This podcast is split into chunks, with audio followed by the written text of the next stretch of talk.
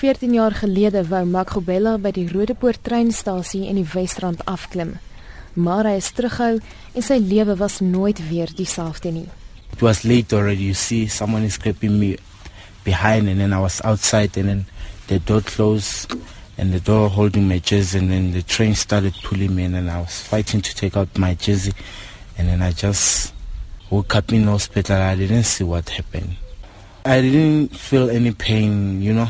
I just woke up in hospital and I didn't feel any pain. And then uh, the other sister asked me, "Hey, boy, did you see how how do you look like?" And then I said, "No, I don't know." And then he opened the blanket, and then I saw myself. I was half, and then I saw, I just faint again.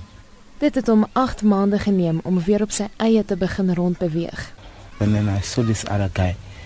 He was riding the wheelchair and then he was picking up a front wheel and then and then I ran to him until I get to that guy and then I asked this guy, "How do you do this thing like this?" Because I was interested uh, to see that guy moving with his wheelchair, and then I keep on doing that, falling, trying, and then I told myself, you know what?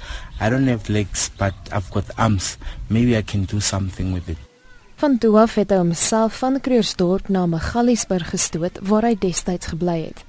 Dit is hier waar mense hom begin raak sien het en aanvanklik was hy gretig om enige sport te doen waartoe hy in staat sou wees. Verlede jaar het hy Suid-Afrika verteenwoordig by 'n toernooi in Italië en Switserland. Now I know what I must do and then I learn from the others because they are very fast. They've got 15 years to 20 years. I've got only 2 years. I'm going for 3 years now.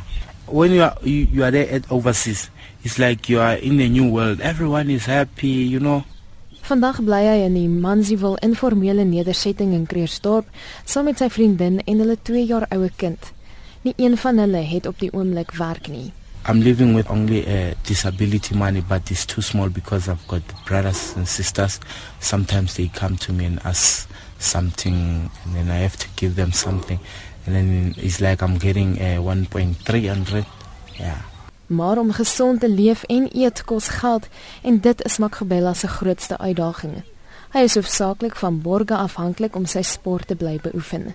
Dit keer hom egter nie om sy daaglikse oefening in te kry nie. On a day I'm doing 90 kilometers. Sometimes I'm doing 60. Yeah, sometimes I'm doing 30. That's where I end.